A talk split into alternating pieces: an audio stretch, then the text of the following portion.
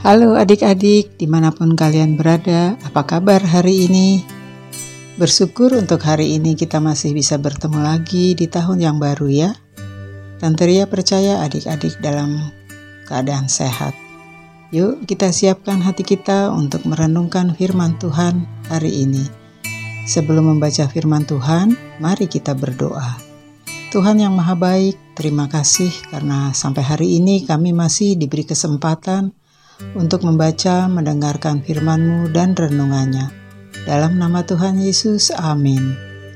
Adik-adik, pembacaan firman Tuhan terambil dari Yehezkiel 34 ayat 1 sampai 20. Mari kita baca sama-sama ya.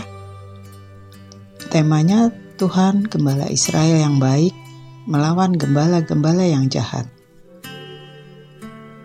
Datanglah firman Tuhan kepadaku, Hai anak manusia, bernubuatlah melawan gembala-gembala Israel. Bernubuatlah dan katakanlah kepada mereka, kepada gembala-gembala itu. Beginilah firman Tuhan Allah. Celakalah gembala-gembala Israel yang menggembalakan dirinya sendiri. Bukankah domba-domba yang seharusnya digembalakan oleh gembala-gembala itu? Kamu menikmati susunya, mengenakan pakaian dari bulunya, dan menyembelih yang gemuk, tetapi domba-domba itu sendiri tidak kamu gembalakan.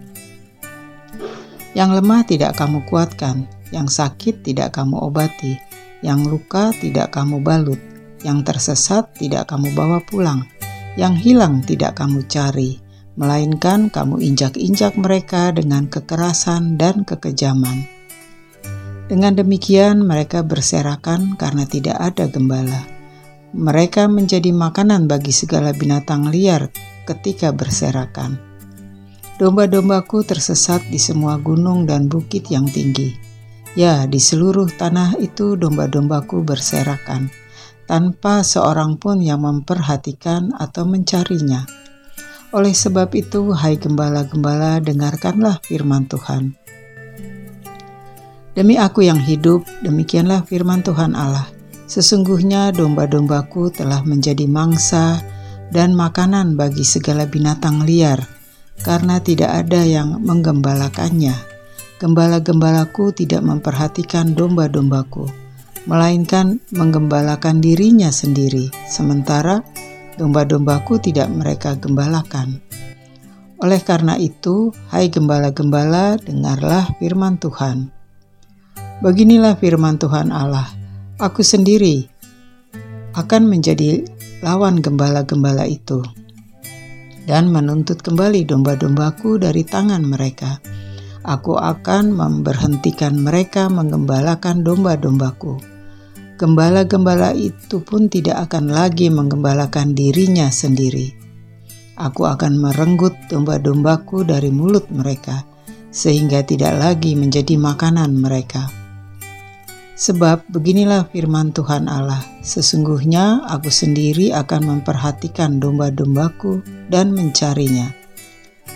Seperti seorang gembala mencari dombanya pada waktu domba itu tercerai dari kawanan dombanya, begitulah aku akan mencari domba-dombaku dan menyelamatkan mereka dari segala tempat, ke mana mereka diserahkan pada hari berawan dan kelam Aku akan membawa mereka keluar dari bangsa-bangsa, mengumpulkan mereka dari negeri-negeri, dan membawa mereka ke tanahnya.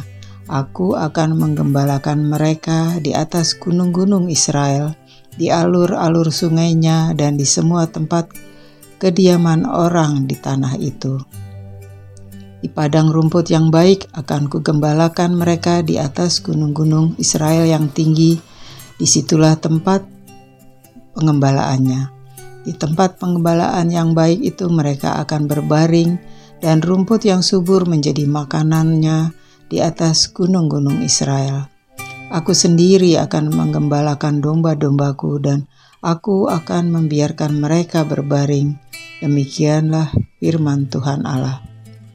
Yang hilang akan kucari, yang tersesat akan kubawa pulang, yang luka akan kubalut, yang sakit akan kukuatkan serta yang gemuk dan yang kuat akan kuawasi.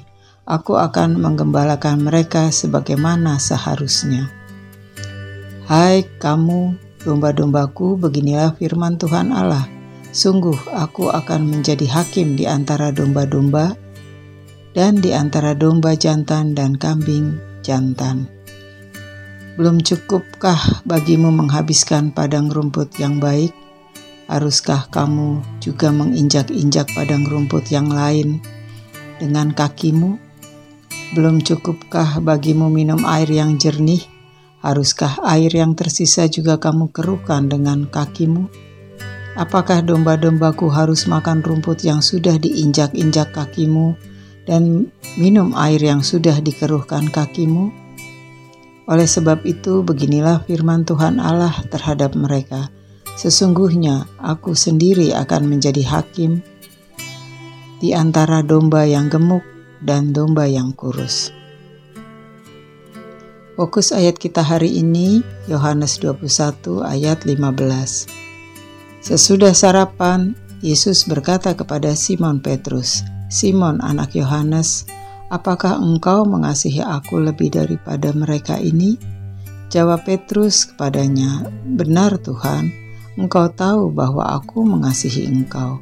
Kata Yesus kepadanya, Peliharalah anak domba-dombaku. Adik-adik, tema renungan kita hari ini dipanggil melayani sekitar.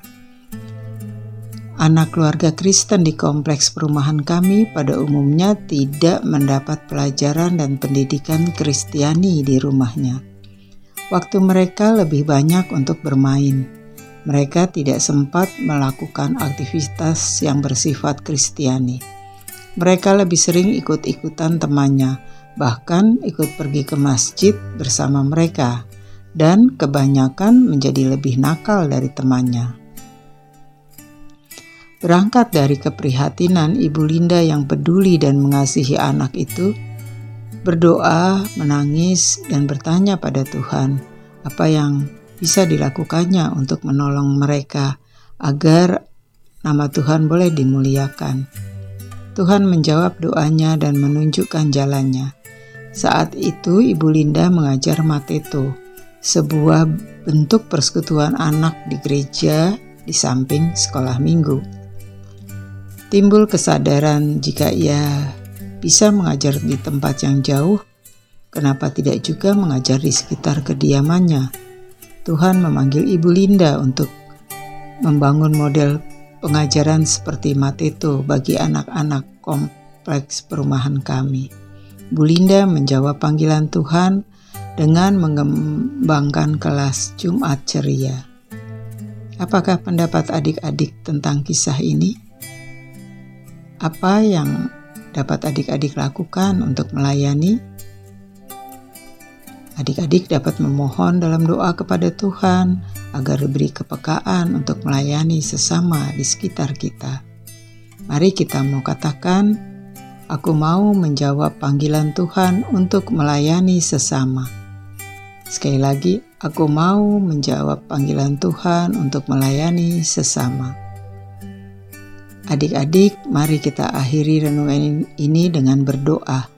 Bapa di surga, tolong kami untuk senantiasa mempunyai kepekaan terhadap kebutuhan sekitar kami yang perlu dilayani untuk mengenal kasih Tuhan. Terima kasih Tuhan, dalam nama Tuhan Yesus, amin. Kita akhiri renungan hari ini. Sampai jumpa adik-adik. Tuhan Yesus memberkati.